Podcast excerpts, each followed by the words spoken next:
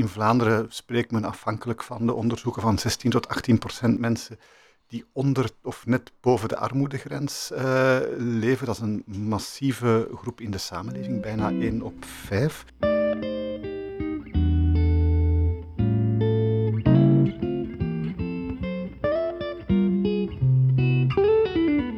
Goedemiddag bij deze nieuwe aflevering van Mo Q&A, de podcast interviewserie die Mo doet eh, met mensen die ertoe doen in België en soms ook wel daarbuiten.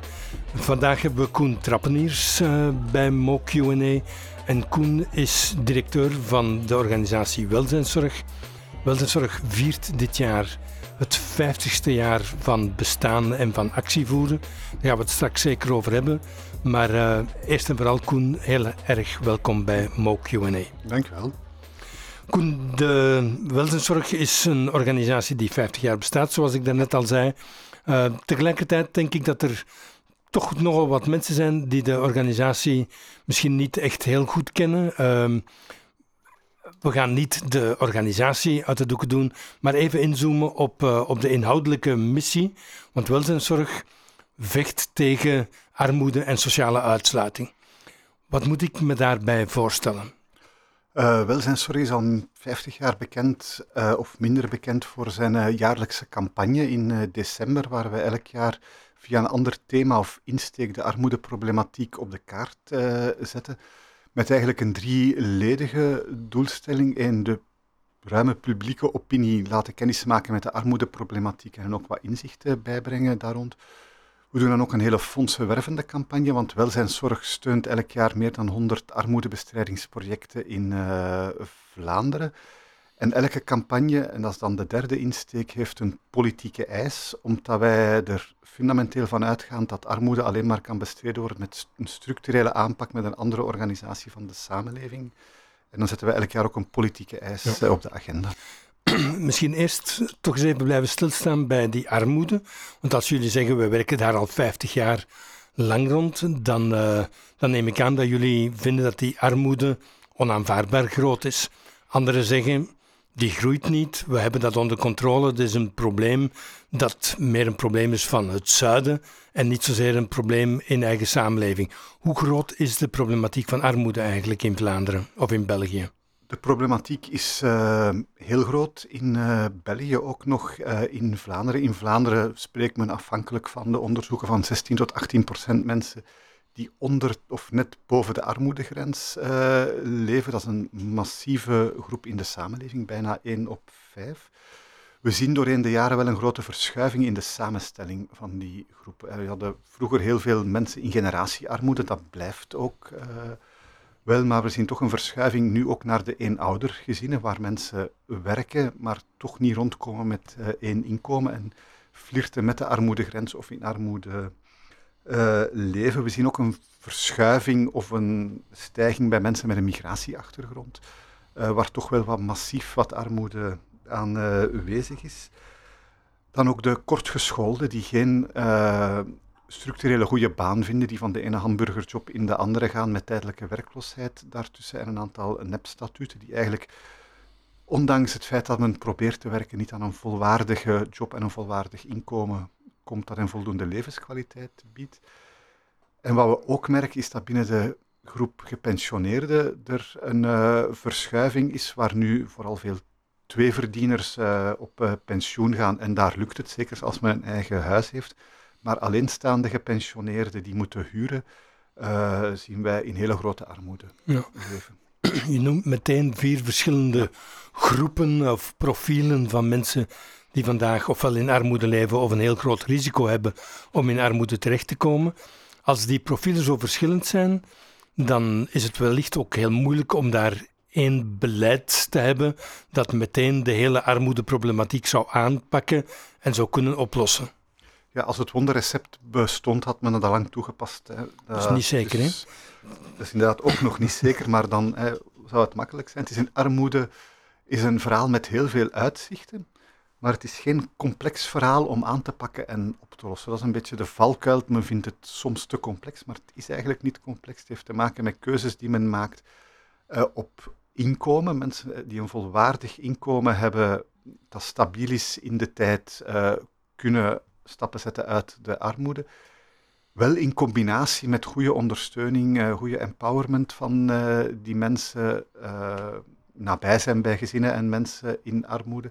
En zorgen dat alle andere uitsluitingsmechanismen die spelen, dat die ook opgeheven worden. Want het gaat niet alleen over armoede, maar ook over sociale uitsluiting. Dat zit ook in, in jullie missie in. Waarin verschilt sociale uitsluiting van armoede? Sociale uitsluiting is soms een gevolg van armoede heeft te maken met er niet bij te horen, geen aansluiting vinden bij de samenleving, maar ook niet bij de buurt of de omgeving. Een heel uh, klein netwerk en uh, draagvlak hebben. Dat is een belangrijk kenmerk van mensen die in armoede uh, leven of die overal uit de boot vallen. Maar je hebt soms ook sociale uitsluitingsmechanismen die mensen richting armoede duwen. En dan zien we dat heel erg bij mensen met een migratieachtergrond, die toch wel wat uit de boot vallen, te maken krijgen met vooroordelen die geen gelijke toegang hebben tot een aantal rechten, omdat men daar een subjectief uh, beeld uh, op plakt op die groep, dat niet terecht is, maar dat hen wel buiten een stuk van de samenleving zet. Dus je, je, je hebt bijvoorbeeld mensen die gediscrimineerd worden op de arbeidsmarkt, daardoor minder kans krijgen om een goede baan te hebben en in armoede komen, of in armoede zitten en daardoor er niet uit geraken. Dus in zekere zin, je, je zei daar straks dat generatiearmoede nu een deel is van, hm. eh, van het probleem. Maar riskeer je dan, uh, zoals jij het nu aanbrengt, niet dat er nieuwe vormen van generatiearmoede ontstaan, dat de nieuwe groepen die in armoede terechtkomen, dat die hun kinderen en kleinkinderen zich daar toch ook nog zullen in bevinden? Daar zijn we heel erg bezorgd over. We merken dat uh, als we rond het thema onderwijs uh, werken, waar we net campagne rond gevoerd hebben, één op vijf loopt school in de buitenbaan, heeft minder onderwijskansen, omdat men vanuit een armoedesituatie op de schoolbanken... Uh, we komen heel wat scholen tegen waar in december, januari nog leerlingen in het secundair onderwijs zonder hun schoolboeken op de schoolbank uh, zitten, omdat men de schoolboeken niet kan betalen, omdat het systeem van de privéfirma's die tegenwoordig de schoolboeken moeten aanleveren, als men daar nog schulden heeft, krijgt men het volgende schooljaar geen schoolboeken. Dat zijn kansen die weggenomen worden bij jongeren op gebied van scholing. En dan zien we zo ook de verdere effecten naar tewerkstelling en plek in de samenleving. Dus daar ontstaat terug uh, generatiearmoede. Maar je zegt daar juist, het is eigenlijk niet zo ingewikkeld om dat aan te pakken. Um, en tegelijkertijd zei je, als er een wondermiddel zou zijn, dan zouden we toepassen. Die misschien toch eenvoudige stappen die kunnen gezet worden, worden die dan niet gezet en waarom niet?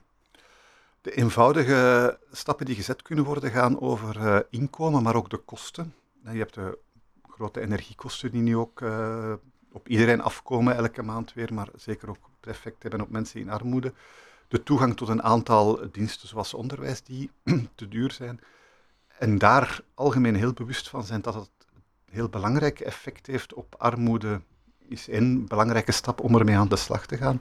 En twee, alle mogelijke drempels op levensdomeinen daar bewust mee omgaan. Het gaat eigenlijk over een armoedevaardig of een armoedebewust beleid uh, voeren op alle beleidsdomeinen van de samenleving. Dat klinkt redelijk soft als ik uh, zo vrij mag zijn, armoedevaardig beleid. Ik kan me dat niet zo goed voorstellen. Zou je zeggen, als je op armoedevaardigheid van het beleid, het beleid van de vorige minister die over uh, armoede ging, en dat was uh, mevrouw Homans, denk ik, als je die zou quoteren op haar armoedevaardigheid, hoe zou, hoe zou dat beleid dan gescoord hebben? Dat beleid scoort over heel de lijn onvoldoende. Met de enige correctie dat op het terrein van de sociale huisvesting er wel wat massieve inspanning gebeurd is, maar toch nog veel te weinig om daar uh, fundamenteel iets rond de armoedeproblematiek en huisvesting te doen.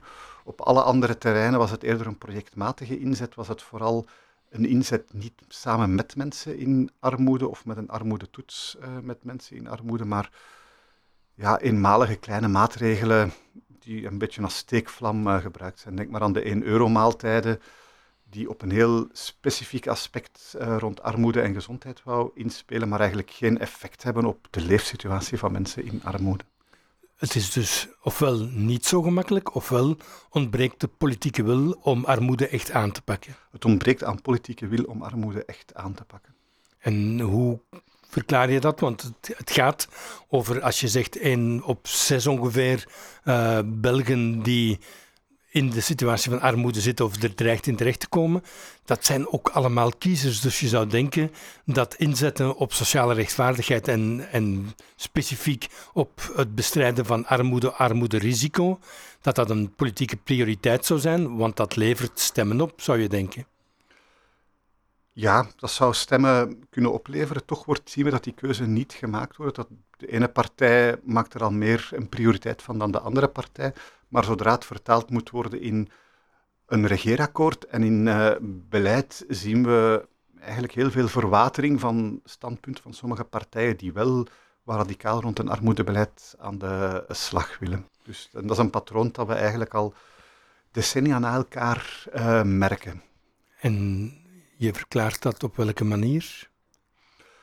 Het heeft te maken van er geen prioriteit uh, van te maken. En Eigenlijk... Zou, je, kunnen zeggen dat het, uh, dat het eigenlijk ook de angst is voor de middenklasse kiezers, voor degene die uh, de hardwerkende Vlaming, die vindt dat diegenen die in armoede leven toch een beetje hun eigen schuld is en dat ze maar wat harder moeten werken, dat ze werk moeten aanvaarden waar het te vinden is en niet zoveel noten op hun zang moeten hebben. Enfin, ik parafraseer, maar ik kan me voorstellen dat uiteindelijk die middenklasse positie de angst uitmaakt van de politieke beleidsvoering om radicaal tegen armoede te gaan kiezen? Dat zal zeker meespelen, want een uh, samenleving die armoede wil uh, bannen, is een samenleving die herverdeelt, uh, die zich organiseert in solidariteit met mensen die het moeilijk hebben, die een tegenslag hebben, die in armoede leven, die onverwacht ziek worden. En dat vraagt een grote bereidheid van heel de samenleving om in dat solidariteitsverhaal te gaan staan we mogen het ook niet overproblematiseren dat dan ineens, want dat is dan inderdaad het doembeeld dat soms opgehangen wordt, dat dan ineens de middenklasse heel veel gaat verliezen en heel veel gaat moeten inleveren. Het is ook niet dat doemscenario. Men kan ook binnen voorziene budgetten door dingen te heroriënteren, uh, armoede bestrijden die niet zo'n grote impact heeft op de financiële draagkracht of mogelijkheden van de ruime middenklasse.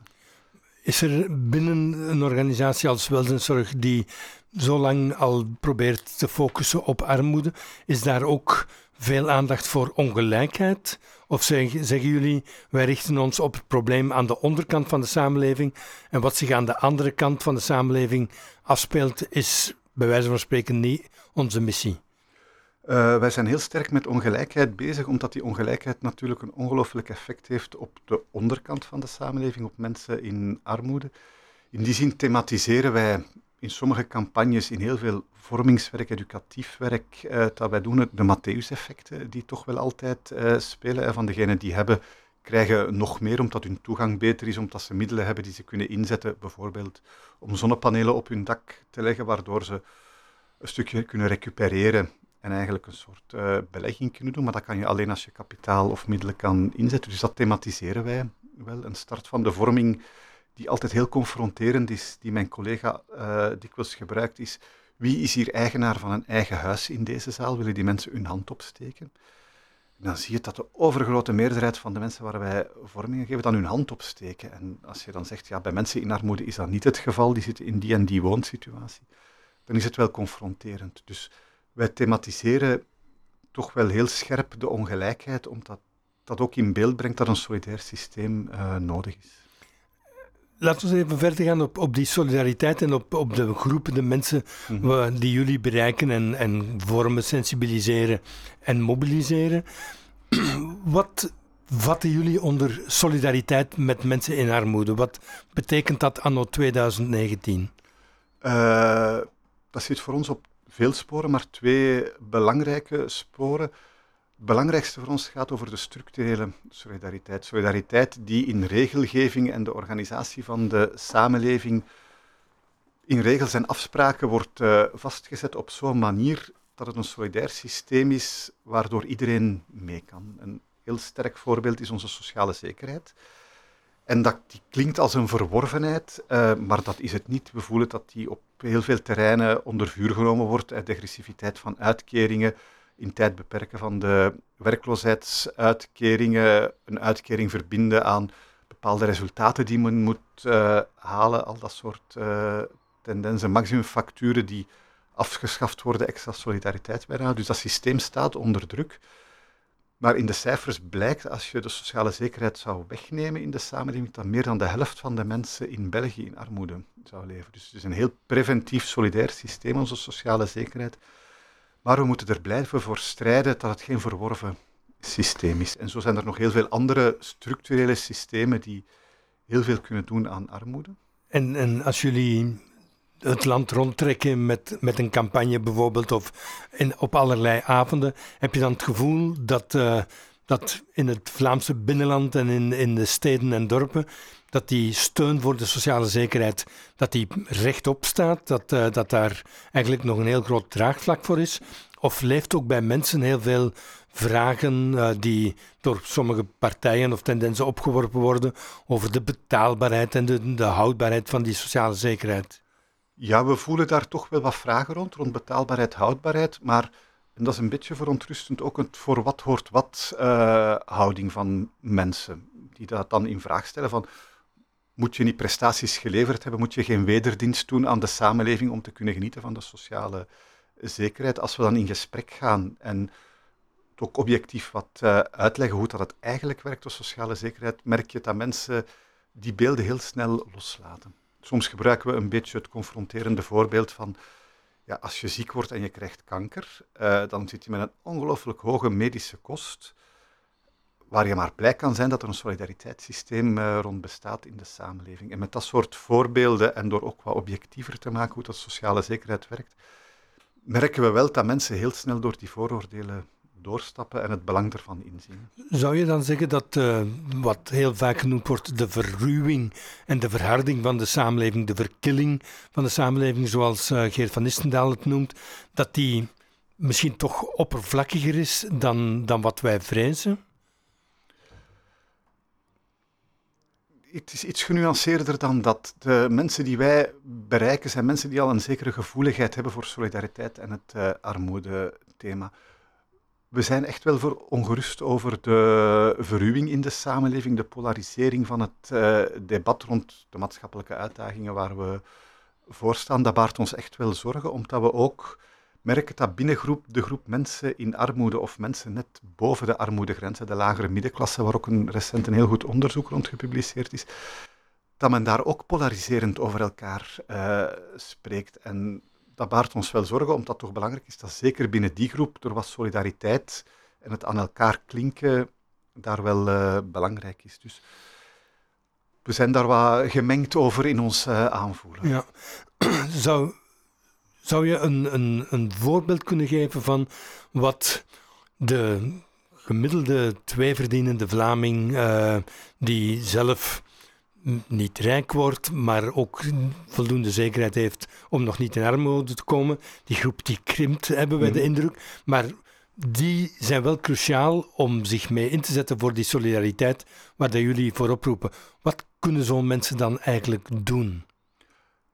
Sowieso armoedeorganisaties uh, steunen, omdat daar zijn financiële middelen voor nodig voor armoedebestrijding. Ook in hele concrete projecten die lokaal samen met mensen in armoede aan hun lokale situatie iets proberen te doen. Dus daar oog voor hebben, daar die projecten of die werkingen financieel steunen, is toch wel een hele belangrijke. En als jij zegt insteek. armoedeorganisaties, zijn dat organisaties van armen die zichzelf verenigen? Of zijn dat organisaties die iets proberen te doen voor mensen die in armoede zitten?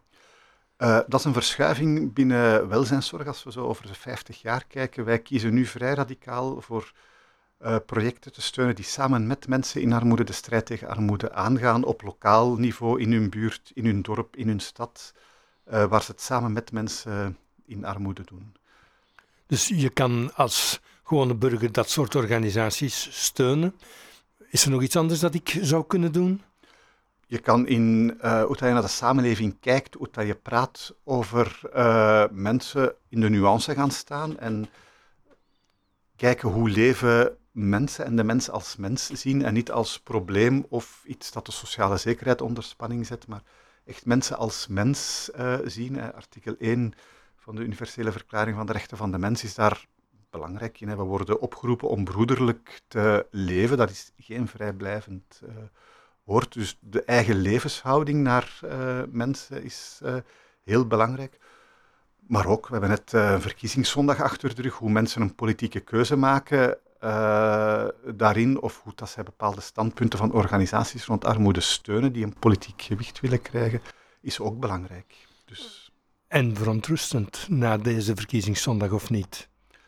En verontrustend na deze verkiezingszondag, vooral op de as van het polariserende. Men, het is heel moeilijk te detecteren welk signaal mensen geven door op de hele extreme uh, te stemmen. Gaat men dan akkoord met het volledige partijprogramma van ene of geen extremere partij, of is het een stem uit ongeluk?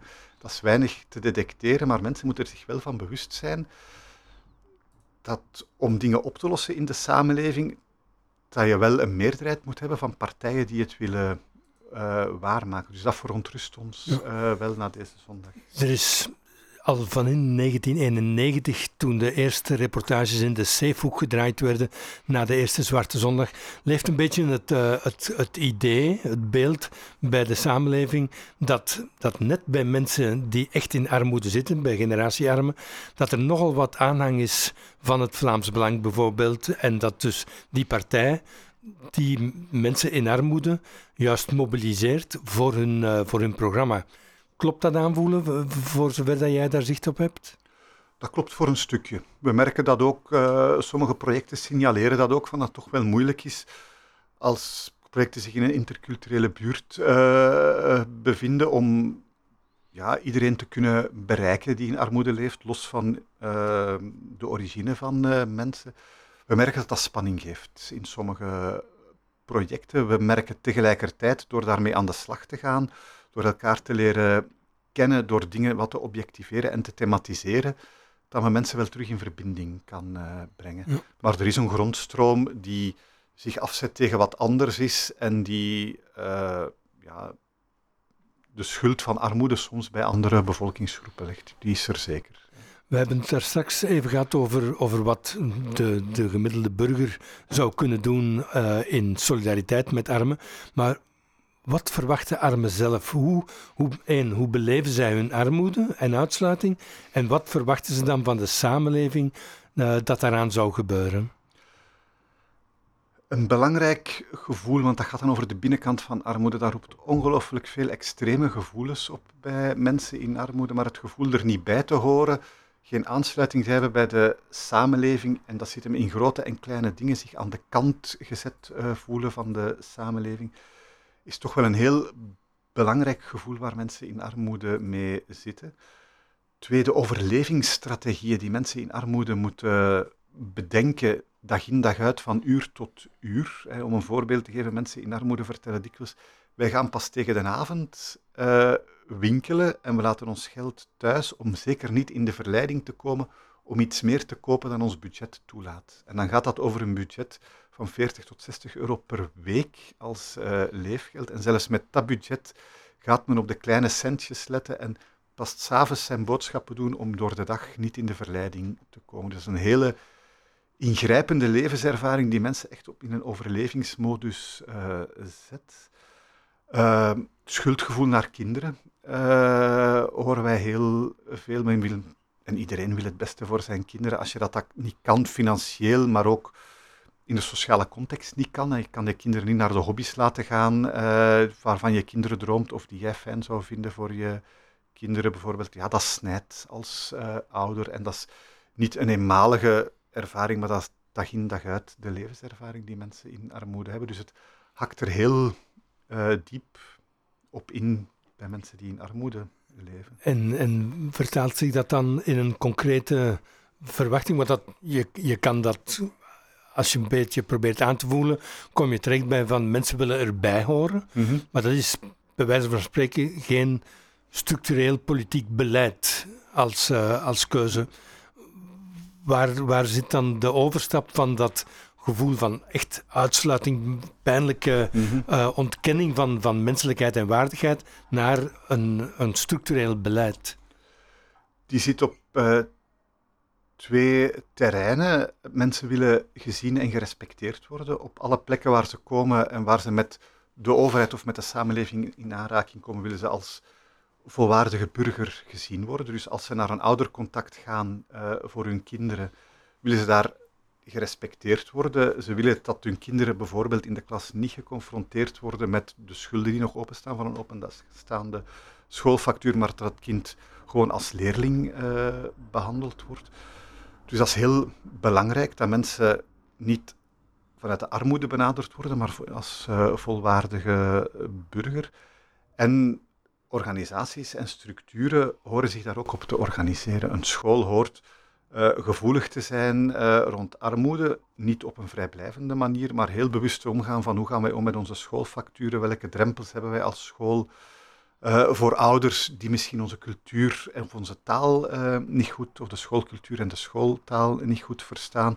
Hoe zorgen we dat er aanspreekpersonen zijn, referentiepersonen waar mensen naartoe kunnen in een schoolcontext of in een andere context. Ook het onthaal van de diensten in een gemeente is heel belangrijk dat dat uh, ja, met een grote gevoeligheid voor mensen in armoede gebeurt. Moet er een, een verhoging komen van het gewaarborgd minimuminkomen?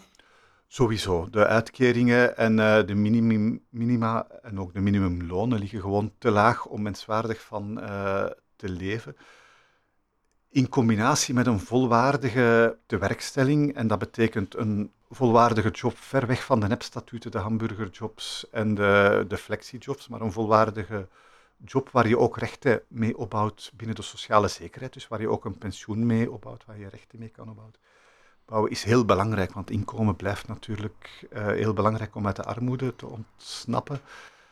Het is een beetje mijn probleem dat onze samenleving zich op een tweeverdienersmodel georganiseerd heeft en dat het voor alleenstaande ouders of die gezinnen waar maar één iemand werkbaar is, hè, waar iemand anders van uitkeringen leeft of pech heeft om wegens ziekte of handicap niet aan een inkomen te komen, dat blijft een uh, precaire situatie waar ook de combinatie van een volwaardig loon en een volwaardige goede uitkering die leefbaar is, waar die combinatie toch wel heel uh, belangrijk is. We hebben het nog niet gehad over de hesjes van de afgelopen half jaar of, of jaar. Ehm, ik kan me voorstellen dat een organisatie die zo betrokken is bij armoede en uitsluiting, dat die ook geappelleerd wordt door de protesten van de gele hesjes, die zeggen. Uh, wij zijn minder bezig met het einde van de planeet, we zijn bezig met het einde van de maand. Als ik jou hoor, zelfs met het einde van de dag of van de week. Uh, hoe gaan jullie daarmee om met dat, die nieuwe vorm van actie, redelijk radicaal, weinig gestructureerd, een beetje zonder leiding of sturing, zo lijkt het. Is dat een aangrijpingspunt? Is dat een stimulans voor een gevestigde organisatie als welzijnszorg? Ja, we zijn daar heel bewust mee bezig om te proberen op het spoor te komen van wat is dat ongenoegen juist dat daaronder uh, onder zit? Dat is natuurlijk moeilijk, want het is niet georganiseerd. Je hebt geen aanspreekpunten, uh, je hebt geen mensen die daar uh, woordvoerders van zijn. Het is wat aanvoelen en opvolgen, proberen, en dat doen we via hart boven hart, toch wel proberen wat voeling te krijgen met die beweging ook, om die signalen mee op te pikken. En in die zin is dat de beweging van de gele hesjes ook wel een bevestiging van het onderzoek van Wim van Lanker rond de lage middenklasse, de groep die het niet echt letterlijk in armoede leeft, maar op het einde van de maand toch ook net niet rondkomt, uh, schulden maakt tot de volgende week, voor dan, als het nieuwe loon gestort wordt, om weer verder uh, te kunnen. De gele hesjes zijn voor ons een signaal die daar wel op uh, duiden, maar die ook erop duiden van, beste overheid, de maatregelen die je neemt hebben wel een heel drastisch effect op onze financiële draagkracht. En het wordt dan gethematiseerd op energieprijzen, op brandstofprijzen, op eventuele milieumaatregelen. Maar het is eigenlijk een algemeen signaal van overheid, let op met de maatregelen die je neemt uh, voor mensen die het moeilijk hebben in de samenleving. Als jullie nu uh, over een week de 50ste verjaardag echt gaan vieren, of, dat, of in gang zetten, uh, dan neem ik aan dat uh, ook vooruitkijkt en, uh, en probeert te definiëren wat willen we nu de volgende jaren op de agenda zetten en realiseren. Wat, wat zou dat heel kort samengevat zijn? Het is een feest onder protest sowieso, want rond armoedefeesten is een beetje gek, maar we willen toch onze achterban daarmee bedanken twee belangrijke lijnen, een aantal hele concrete beleidsmaatregelen die we samen met decenniumdoelen ontwikkeld hebben, zetten wij sowieso blijvend op de agenda, omdat ze ook berekend en haalbaar zijn de volgende jaren.